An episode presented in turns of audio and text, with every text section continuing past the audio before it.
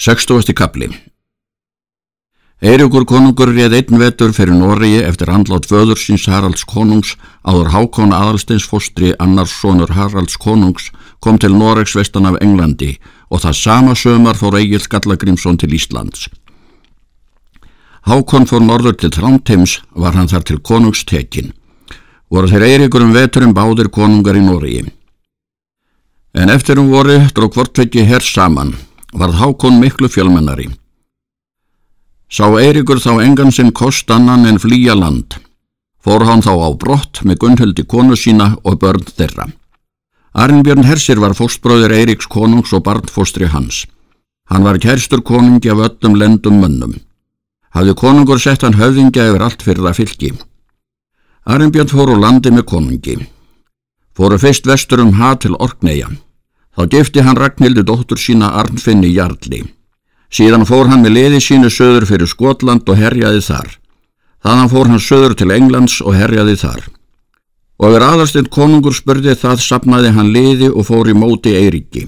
Og er þeir heittust voru borin sáttmál millið þeirra og var það að sættum að aðalstinn konungur fekk Eiríki til forráða Norðimbraland en hann skildi vera landvarnarmadur aðalstins konungs fyrir skotum og írum. Aðalsteit konungur hefði skatti gilt undir sér Skotland eftir fall Ólas konungs en þó var það fólk jafnan ótrútt honum.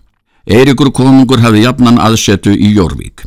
Svo er sagt að Gunnhildur let seið ebla og let það seið að Egil Skallagrínsson skildi aldrei róbíða á Íslandi fyrir en hún sæi hann. En það sömar er þeir Hákon og Eirikur höfðu hist og deilt um Noreg, þá var farban til allra landa úr Noregi og komið það sömar engi skip til Íslands og engi tíðindi úr Noregi. Egil Skallagrímsson sat á búi sínum. En þann vetur annan er hann bjóað borg eftir andlátt Skallagríms þá gerðist Egil ókátur og var því meiri ógliði hans er meir leið á veturinn. Og eða sömur kom þá lísti Egil yfir því að hann ætlar að búa skip sitt til brottfarar um sömarið. Tók hann þá hásettan. Hann ætlar þá að sigla til Englands. Þeir voru á skipi þrýr týjir manna.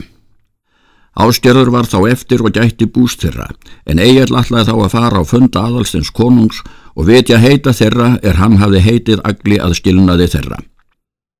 Egil varð ekki snembúin og er hann leti í haf þá byrjaði heldur sent, tókað hausta og stærði veðrin. Syldu þeir fyrir norðan orknegar.